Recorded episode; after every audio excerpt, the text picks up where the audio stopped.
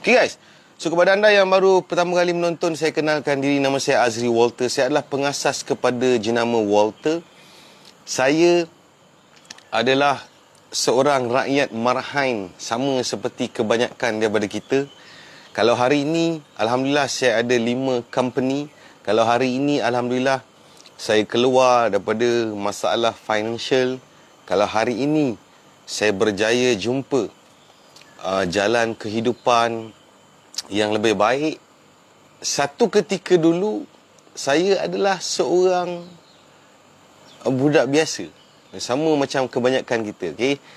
So alhamdulillah um di Aman Zahari Terima kasih menonton dari Perlis eh. Apa khabar orang Perlis? Isyam dari Perak, apa khabar orang Perak? Perak belah mana tu? Kan, orang Perlis terbaik, apa khabar? Dan boleh kenalkan diri jugalah. Mungkin ada kawan-kawan usahawan kat sini Ataupun yang berfikir-fikir untuk jadi usahawan. So hari ni saya akan cerita sikit lah Bagaimana uh, pengalaman saya dan juga Bagaimana kita nak bangkit dari gagal. Guys, untuk makluman semua um, Saya start berniaga daripada scratch lah Daripada jalanan. Saya bukan orang yang berniaga Dengan ada modal puluh atau ratus ribu atau ada loan dari bank atau ada grant tak ada guys. Saya start daripada uh, Puan Kartini first time join. Terima kasih kerana sudi join live ni. Terima kasih kerana luangkan masa. Semoga banyak benda bermanfaat lah. Okay, saya saya start niaga ni daripada menjual face to face tau direct selling. Okay Daripada tak ada apa-apa, tak ada orang kenal Azri Walter, tak ada orang kenal brand Walter, tak ada. Zero. Dan ketika tu saya masih bekerja sebagai uh, kerani, uh, seorang penjawat awam kan, sebelum saya berhenti kerja. So untuk makluman, kehidupan kat Lembah Kelang ni, kalau kita berpendapatan 3,000 ke bawah kan, kita dikategorikan sebagai satu isi rumah ha, 3,000 pendapatan, kategori sebagai miskin tegar kalau kat Lembah Kelang. So um, saya alhamdulillah lah um, saya di, di, dipinjamkan rezeki oleh Allah. So bila saya berniaga daripada jalanan tu saya boleh bina tim uh, produk saya. So saya grow lah. Lepas tu saya dapat buka uh, cawangan kedai. So mungkin anda tak tahu saya adalah pemilik kedai gunting rangkaian kedai gunting rambut Walter Barbershop. Tapi saya bukan barber. Saya tak tak pandai gunting rambut so saya adalah pengusaha kedai gunting rambut. Okey. So um, masa saya kerja saya dapat buka 8 cawangan kedai. Okey. Um, so bermulalah dekat situ bila saya berhenti kerja bermulalah episod saya sebagai usahawan sepenuh masa. Macam tadi siapa yang baca saya tuliskan saya punya kegal- kegagalan demi kegagalan tu memang banyak ah. Okey. Um, soal ni saya nak kongsi kepada anda semua. Mungkin ada kawan-kawan yang sedang melalui fasa kejatuhan disebabkan PKP dan sebagainya di semenjak uh, pandemik virus ni sebagainya. So alhamdulillah saya um, untuk makluman saya tak sukalah kita uh, semua benda kita sembang pasal yang manis-manis je kan. Saya suka juga cerita pasal benda yang realiti. Saya adalah seorang usahawan yang saya suka sharing pasal uh, dunia bisnes dan saya sendiri memang jalankan bisnes dan saya memang lalui kerugian, kegagalan banyak kali. Okey. Uh, so saya rasa perkongsian macam ni dia dia rasa lebih hampir kepada orang yang kita pernah rasa kan. Um, kalau nak cerita gagal ni banyak guys. So even uh, kalau macam PKP semenjak PKP 1.0 2.0 saya dah terpaksa tutup lebih kurang uh, empat cawangan kedai okey? Empat cawangan kedai dan bila empat kedai tutup ni satu kedai empat orang pekerja. So lebih kurang 16 orang anak muda hilang punca pendapatan lah okey? Uh, tapi bila kita, kita dah tak boleh kita tak boleh nak uh, apa uh, owner nak bayar sewa kan kita tak boleh run the business so kita tak boleh bayar sewa so kalau kita nak korek duit lain untuk bayar sewa untuk survive so kita rasa akan berlaku lagi banyak kerosakan lah. so kita buat decision kita kena tutup. Tapi setakat ni lah, ke, kalau nak cerita bahawa banyak kedai saya pernah tutup kan, banyak lebih daripada 10. Tutup, buka, tutup, buka tu biasa. Saya pernah buat uh, produk dulu kan, produk Walter. Selain daripada minyak rambut Walter Pomade tu, kita, saya pernah buat apa shampoo lah, beard oil lah, apa lah. Dan uh, banyak je produk-produk tu tak jadi pun kan. Akhirnya uh, bersawang tak jadi. Kita dah try try buat tak jadi kan. Dia dia tak tak tak tak boom lah orang cakap kan. Kalau nak cerita uh, lepas tu saya pernah pernah uh, silap percaturan uh, pengurusan syarikat pun pernah. Kan? Di mana saya dulu apa yang silap bila saya buka cawangan-cawangan ni kan saya pergi buka setiap cawangan ni satu satu company kan Jahanam nama itu saya tak fikir pun bahawa ada kos lain kos nak urus kan sekali nak buka uh, nak buka syarikat tu dah berapa kita kena bayar belum kita nak uruskan dia punya apa ni uh, audit lagi tahunan kan semua ada kos tapi sebab jiwa muda kan, jiwa muda mem- membuat-buat. So hari ni saya nak kongsi lah. Sebenarnya, bagi, tapi saya tak ada menyesal apa pun. Sebab semua yang saya silap dan gagal tu ada menjadikan saya ni semakin uh, semakin matang. Okay, hai Hanif Az- Aziani. Selamat datang Muhammad Ashraf. Waalaikumsalam. Terima kasih guys. Hari ni kita nak share pasal benda-benda gagal lah. Asyik cerita benda berjaya je kan. Cuma apa yang kegagalan ni jadi kita bolehlah sama-sama belajar kan. Terutamanya dalam dunia bisnes. So saya pergi buka uh, syarikat demi syarikat uh, dalam apa setiap cawangan tu. Lepas tu saya ada bagi bagi apa bagi share lah dekat pekerja saya. Dan saya rasa benda-benda ni sebenarnya tak patut pun. Tapi saya saya tak tahu kan. Kita cuba. Habis silap collapse lah. Memang jadi tak okey semua ada tak puati so ni uh, bagi saya dia adalah satu decision business yang yang silap tu je bisnes ni itu je kita untung ke rugi? So kalau kita rugi ada banyak lah kesan kan.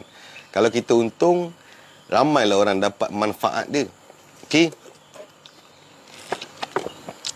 so itu uh, pasal kedai lah Lepas tu banyak kadang-kadang saya dulu banyak silap kadang bila saya ambil staff kan bayar gaji, bayar gaji carum KWSP dan sebagainya lepas tu dia tidak tak perform.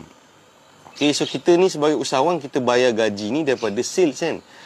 Daripada kita bermati-matian buat sale tu untuk kita uh, agih-agihkan bayar gaji sikit tapi akhirnya tidak mencapai piawaian. So rasa macam mugi. So bila kita dah ambil orang nak buang pula satu hal kan. Bukan mudah nak buang orang kerja ni. Faiz Haikal, Waalaikumsalam. No Lizan, kegagalan bukan nokta. Betul. So saya kalau nak kira um, rugi, eh, saya tak kira lah. Saya berjuta lah rugi. Kan? Tapi itulah kepada kawan-kawan ataupun sesiapa lah yang sedang berniaga ataupun yang akan berniaga, So kita kena pasakkan dalam minda itu bahawa berniaga ni bukan sahaja tentang untung, malah ia juga tentang rugi. So baru-baru ni eh saya sebenarnya simpati. Dulu saya ada staff-staff yang okay, so saya punya bisnes rangkaian barbershop, lepas tu college Walter yang ini untuk latih anak-anak muda belajar kursus kemahiran gunting rambut. Lepas tu produk-produk Walter ni kita distribute dekat uh, rangkaian barbershop dan agent dan ada tim jualan. So yang keempat, tim sale F2F Walter Trading. Yang ini kita memang 100% buat sales jual produk orang lain di jalanan dan sekarang ni tak boleh jalanan kita buat online. So yang kelima, consultation. Okay, so lima, lima aliran tunai ni saya develop daripada zero. So nak sampai level 5 ni itulah antara perkara-perkara yang um, kesilapan yang banyak saya buat. Okay. Uh, so macam mana so hari ni saya nak kongsi dengan kepada anda semua kan. So even sekarang ni um, bayangkanlah kedai gunting rambut kan. kedai gunting rambut semenjak PKP 2.0 sampai sekarang tak boleh beroperasi. Okey. Uh, so kita tak boleh run uh, bisnes tu walaupun tidak ada kluster gunting rambut tetapi memang kerajaan tetapkan kedai gunting rambut tak boleh beroperasi. Jadi tapi yang bagusnya alhamdulillah budak-budak barber saya tu dia ada inisiatif lah. Sekarang ni dia orang buat gunting rambut rumah ke rumah. Yang memang 100% tu income dia punya lah. Company tak ada apa-apa pun. Tapi kita still kena bayar sewa. Kan? Um, kadang-kadang owner owner property kalau kita kalau kita sewa uh, kedai tu dengan owner yang dia beli property tu cash, selalunya kita nak nego tak ada hal. Tapi kalau owner tu beli pun hutang dengan bank. Kan?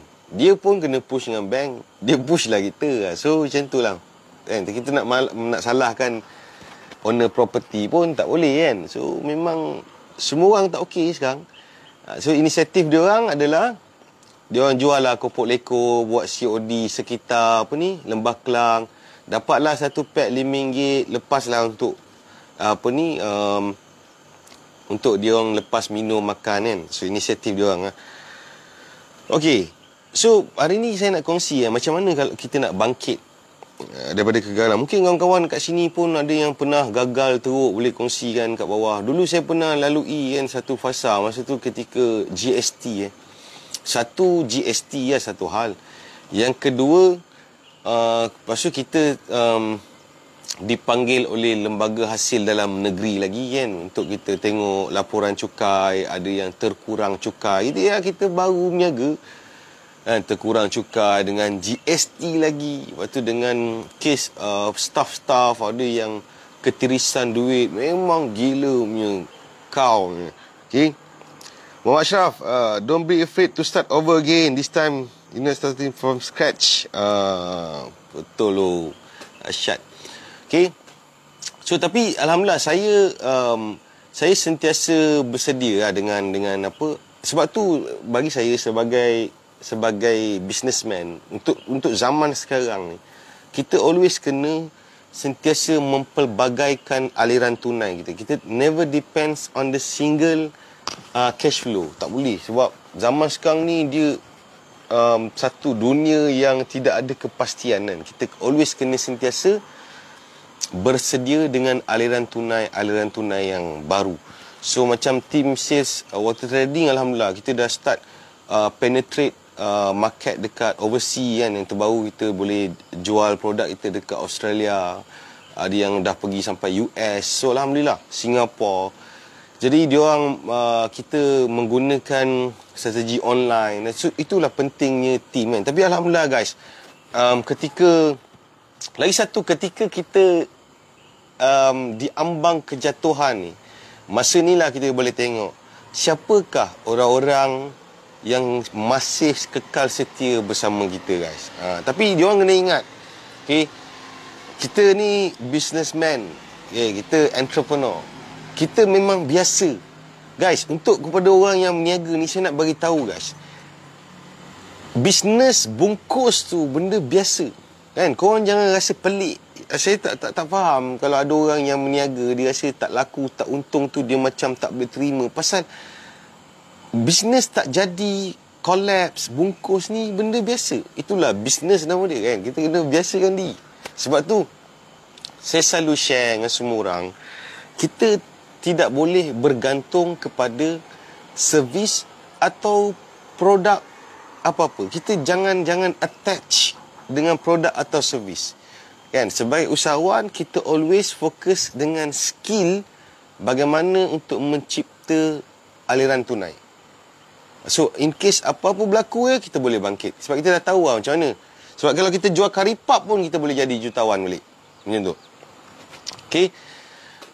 So puan kali ni, ya betul tu. Siapa yang kekal dengan kita? Yes, masa ni lah kita boleh tengok siapa yang ada dengan kita. Eh, biasalah kalau kita tengah tengah mantap man. Tengah masyuk. Semua orang lah datang kiri kanan, depan, belakang, macam-macam orang datang. Ni biasa guys. Ini adalah benda yang biasa. So kita kena kena sangat berhati-hati untuk filter. Ha, masa ni kita tahu untuk filter. So bila kita berlaku sesuatu mungkin bisnes kita collapse, jatuh, eh bungkus. So masa ni nak tengok siapakah yang masih berada bersama kita yang masih terus berjuang. Ha, so orang-orang ni guys. Sebab dia orang kena ingat dunia bisnes ni kalau dia boleh kalau seseorang usahawan tu boleh survive ketika cuaca yang mendung. Bayangkan bila nanti matahari mula bersinar macam mana dia punya terbang. So untung orang-orang yang masih kekal setia. Kan? So orang-orang yang belah yang lain ni dia akan menyesal dan menangis meratapi. Ha. Okay. So untuk kita bangkit yang pertama sekali kalau kita dah biasa dah biasa kan dia macam ni untuk orang yang dah uh, biasa ada income 3 4 ribu tiba-tiba income dia hilang, dia punya rasa tekanan tu tak sama dengan orang yang dah biasa income dia 50 ke 100 ribu sebulan, tiba-tiba kosong. Oh, memang lain. Lain guys. Tekanan dia lain. Memang perasaan dia pun lain. So, untuk kita kita bangkit daripada apa kita gagal, yang pertama, macam saya kongsikan itu hari, So kalau bisnes kita tu kita dah cuba untuk selamatkan dia macam-macam cara tetapi dah tak okey, kita kena cepat-cepat stop cut loss. Jangan dipanjangkan lagi kerugian, kerugian, kerugian sampaikan ada ramai orang dia sanggup keluarkan duit simpanan dia jual bergolok bergadai rantai emas dia jual tanah dan sebagainya untuk selamatkan bisnes dia. Oh ini jangan guys. So, untuk kita selamatkan bisnes tu, dia kena datang daripada bisnes itu sendiri. Okay? Ha, contoh, kalau kita rasa bisnes tu dah tak boleh, tak boleh go dah. Okay, apa kita kita kena buat? Okay? First, sekarang ni kita tahu. Bila kita tengah collapse, benda yang paling utama untuk kita fokus adalah memastikan setiap hari kita dan keluarga kita boleh makan. Okay? Bila kita jatuh, asas utama dia adalah benda-benda yang kita kena fokus adalah benda-benda asas hidup. Makanan, tempat tinggal, kenderaan yang kita boleh ke mana-mana. Itu tiga ni je kita perlu fokus. So ramai orang bila dia nak bangkit ni kan, dia fokus apa? Dia nak jadi terus nak jadi jutawan tu yang dia stres. So kita fokus fasa pertama ni untuk memastikan kita boleh survive, boleh terus hidup saja dulu. Okay? So apa kita buat? Daripada bisnes kita yang dah collapse tu kan jangan tunggu lama-lama. Contoh kalau kita dah 3 bulan 4 bulan dah PKP tak boleh tak boleh tak boleh asyik tak boleh aja kan. So kita kena terus buat sesuatu. Ke barang-barang yang kita ada kita cairkan. Okey kita kita kita cairkan untuk kita dapatkan cash. Jual apa-apa barang bisnes kita yang ada tu. Okey yang mana kita dah tak nak guna benda tu Contoh kan kita buka kedai, so kedai kita memang tak boleh selamat. Kan dah tak ada trafik, orang dah tak datang dah berapa bulan kita nak bayar sewa dah tak boleh survive. Tu terus cut loss. Jual lah benda-benda dalam tu dapat 4 ribu ke 10 ribu dapatkan cash. So kita akan bangkit balik gunakan cash tu. Untuk kita start balik. Ha, faham tak? Bukan kita ambil kuih semua, duit simpanan, jual rantai, jual slipper, jual bag. LV apa semua. Kan? Jangan. So kita jual apa yang ada kena mengena dengan bisnes kita dulu. Okey? So sebab tu kita kena sentiasa beringat. Ketika bisnes kita tengah padu meletup kan? Tapi kita kena sentiasa berhati-hati sebab bisnes ni adalah satu dunia yang tidak ada kepastian.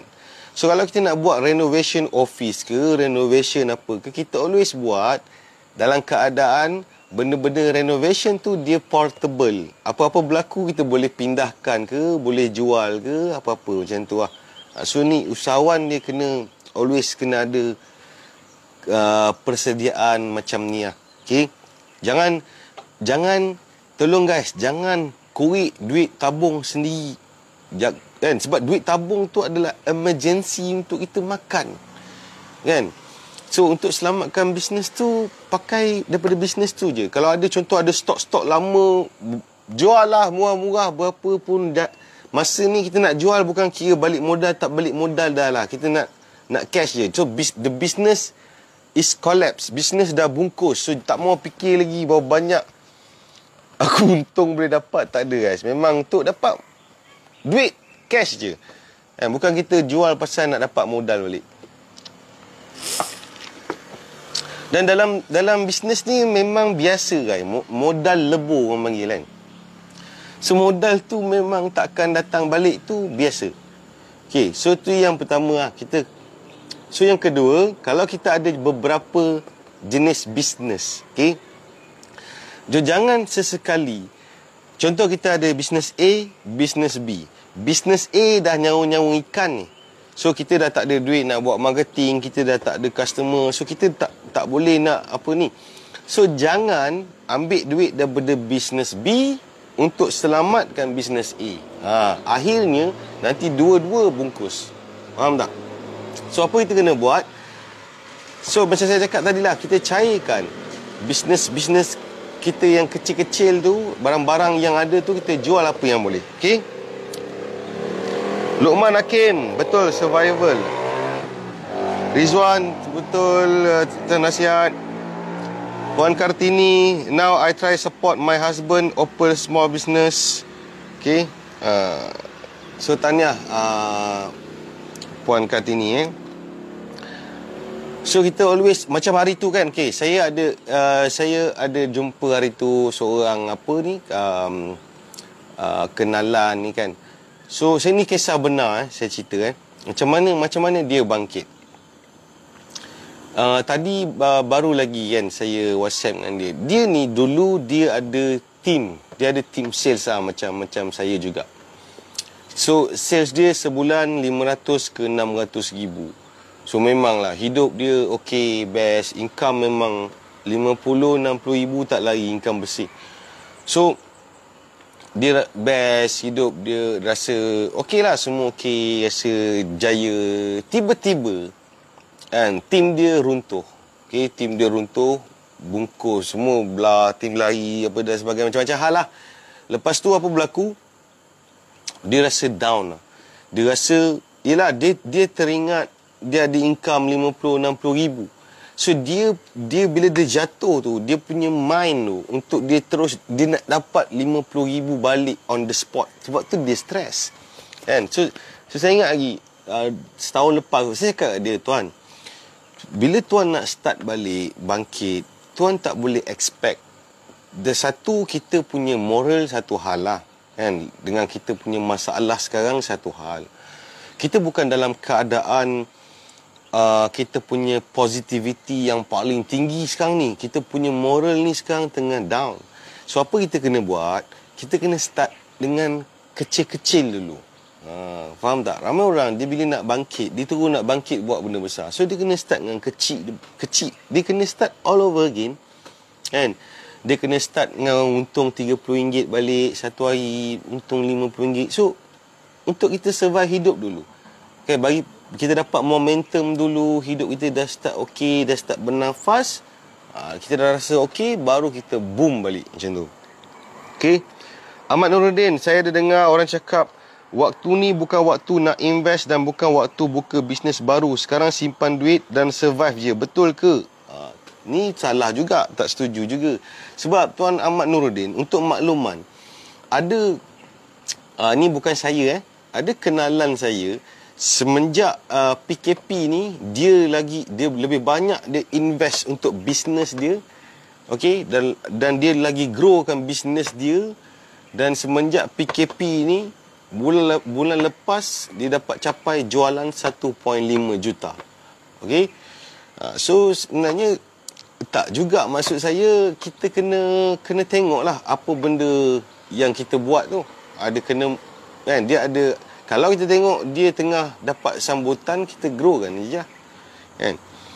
Lagi satu kita simpan ni okay, lain satu mentaliti simpan ni pun sebenarnya ini yang tak buat tak apa sihat kita punya ekonomi ya sekarang ni orang kan untuk kita untuk kita selamatkan ekonomi rakyat kita ni cara dia adalah semua orang kena berbelanja so duit kena masuk dalam pasaran. Okey. So saya beli air kopi. Saya kalau saya jimat, saya, saya memang minum kopi. Tapi, tapi saya nak sharekan konsep jimat. Konsep simpan duit. So simpan mestilah kita ada tujuan. Okey, bukan sebab kalau kalau kita simpan tak ada tujuan, kita jadi kumpul. Faham tak? Kumpul kalau dalam Quran jadi macam korun. Dia dia kumpul, dia tak nak spend apa-apa duit yang dia ada dia tak nak spend. Dia dia dia, dia, dia jimat dia ikat perut. Dia dia macam dia kumpul lah, dia bukan simpan. Simpan ni kita simpan kita tahu ada tujuan bahawa in case of anything apa-apa emergency aku kena simpan ni 5000 ni. So apa-apa emergency ini ada 5000. Itu ada tujuan. Okey? Seramai orang dia dia dia dia, dia simpan dia tak ada tujuan. Dia dia suka kumpul. Kan? Dia suka kiki oh dah berapa dia buka ASB dah berapa dah aku ada ha? kumpul lagi kumpul lah. So jadi duit ya okey bayangkan eh contoh kita ada satu juta ringgit kita simpan tiba-tiba kita mati. So apa apa apa manfaat satu juta tu? Macam tu lah. So kita kena fikir macam mana duit yang aku ada ni kan aku kena simpan untuk apa-apa yang berlaku. Okey? Sebab kalau kita simpan untuk jadi lagi banyak duit pun kita tahulah tak berapa banyak pun. Sebab paling banyak sekali nak buat duit adalah melalui bisnes. Kecuali kita simpan 100 juta boleh dapat banyak. Kalau kita simpan 1000 kita tak boleh lah dapat sejuta macam tu. So sekarang ni kita kena fikir macam mana dengan dengan berbelanja rezeki yang kita ada ni, ada orang dah tak ada income, ada orang ada income. So orang yang masih ada income ni, dia dia kena start main peranan dekat market. Kan dia kena mula berbelanja duit dia itu tetapi dia spend tu dia tak boleh membazir. Ha, memang memang bukan mudah. So tapi dia kena spend, dia tak boleh jadi kedekut tak hidung masin tak boleh kan. So dia kena spend juga. Dia kena okay, dia tengok ada okay, mak cik ni ada jual. So dia, dia dia nak beli, dia kena spend juga. Macam tu lah.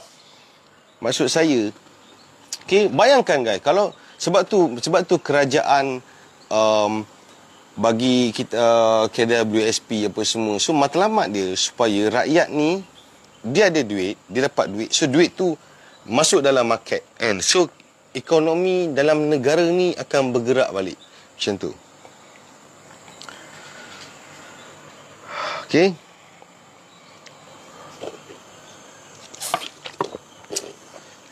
Okay guys, mungkin ada soalan mungkin boleh kita bincangkan hari ni. Ha, tapi itulah antara cara-cara untuk kita bangkit, kita kena start dengan benda-benda kecil dulu lah. Jangan terus jangan terus besar. Kita start kecil-kecil dulu untuk kita survive. Okay. Uh, so macam hari ni tim baba kita masih ada buat uh, COD ke apa kopok leko kan mungkin kalau ada kawan-kawan ada lembah kelang nak support dia orang nanti boleh lah mungkin tuan Smith ada eh tonton ni. Boleh tuan Smith boleh mungkin boleh bagi nombor phone kalau kawan-kawan nak apa ni uh, dapatkan kopok leko. Uh, macam tu. Okay, macam ni lah macam baba tu kan. Dia orang nak, nak survive Dia orang start dengan benda-benda kecil lah kan. Uh, jual lah kumpul ekor janji boleh sekarang ni untuk boleh survive boleh hidup boleh lepas makan nasi dah okey dah uh, lepas tu slow-slow kita susun strategi lah Okay, mungkin kawan-kawan kat sini ada pengalaman siapa yang mungkin sedang dirasa jatuh. Lagi satu, um, lagi satu kita punya kesihatan uh, mental pun kita kena kena jaga lah. Okay guys. So macam ni lah. Se- sebenarnya ada hari kita rasa down. Ada hari kita rasa tak elok. Ada tahun kita rasa tak apa okey. Tahun ni macam tak okey. Macam taik lah tahun ni tak okey. Okay, contoh bulan ni si tak menjadilah. Kan? So kita kena belajar. Kita kena pujuk uh, minda kita atau mind kita. Ni, ni saya selalu buat macam ni lah. Katakanlah. Kan, katakanlah umur saya contoh contoh uh, katakanlah tuan Smith uh, sekarang ni umur dia katakanlah 30 okey so tiba-tiba tahun 2020 dia rasa tahun yang paling tak okey untuk dia kan uh, so umur dia 30 tahun 20 tak okey. So dalam ta- umur 30 tahun tu dia nampak bahawa satu tahun ni tak okey. So dia akan rasa down, rasa teruk semua. Dan sebab dia fokus kepada tahun yang tak okey. Dia lupa bahawa 29 tahun yang dia telah lalui ni banyak benda-benda best yang berlaku dalam hidup dia. Ha, betul tak? So sama lah kalau kita selalu uh, kecenderungan kita ni kalau contohlah kalau ada papan putih kan kita letak tanda hitam okey? So apa yang kita nampak? Kita akan nampak tanda warna hitam okey? So selain daripada putih kat luar tu kita dah tak peduli lah betul tak?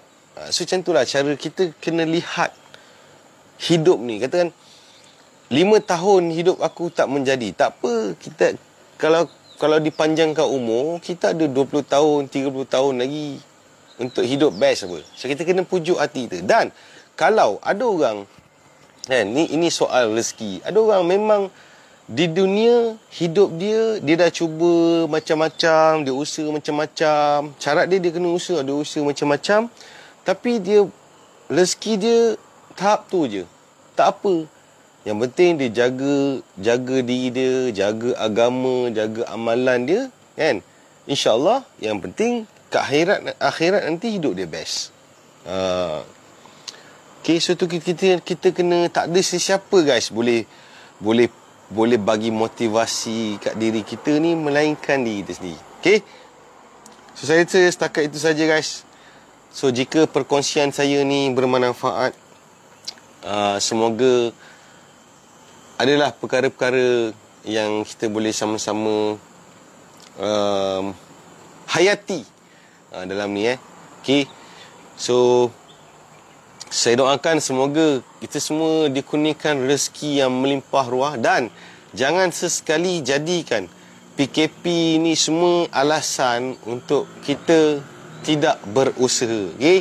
Macam saya cakap tadi, ada ramai orang make million ketika PKP. Kenapa kita tak boleh? Betul tak?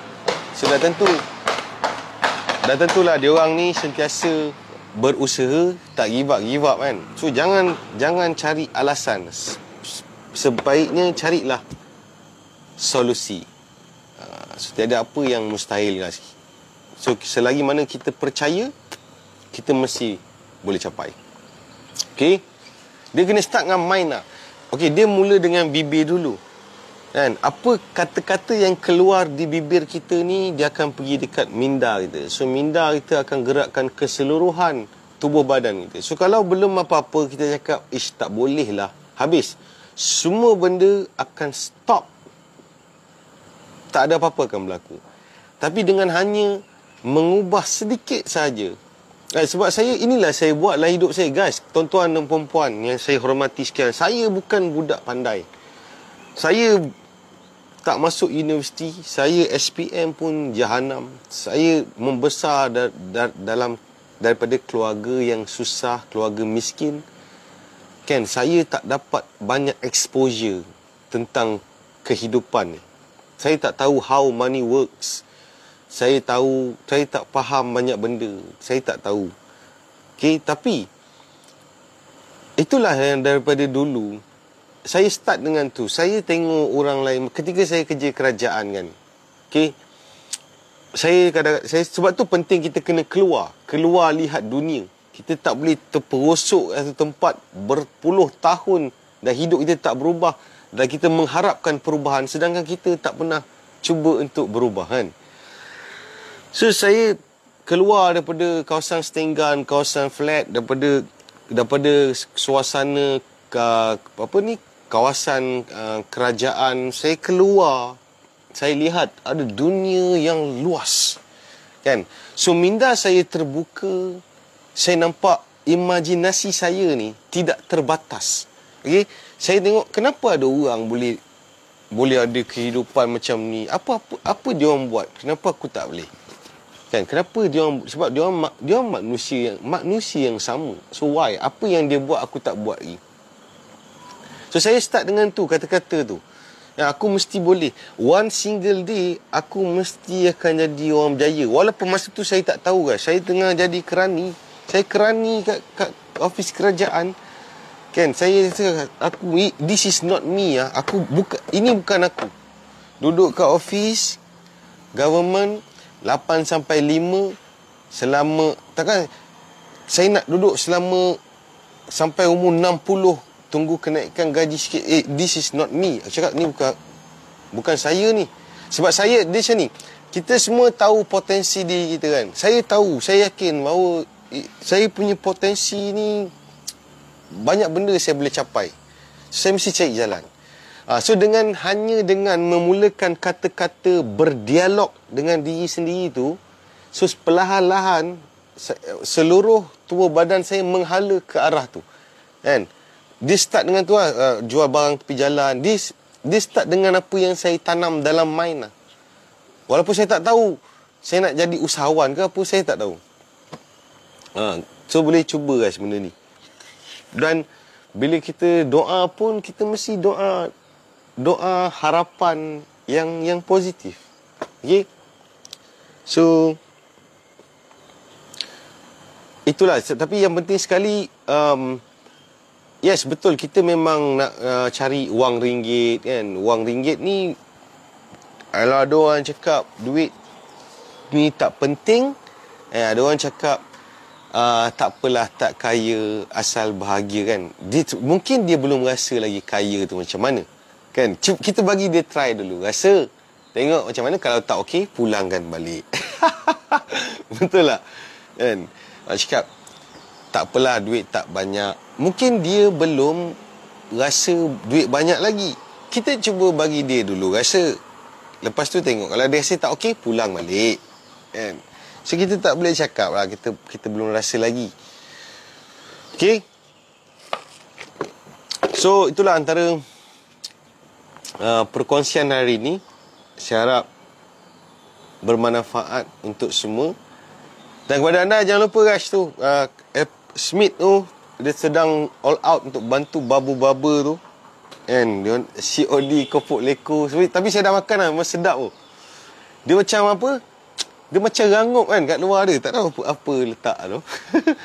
okay guys, thank you guys. Jumpa lagi. Saya Walter. Assalamualaikum.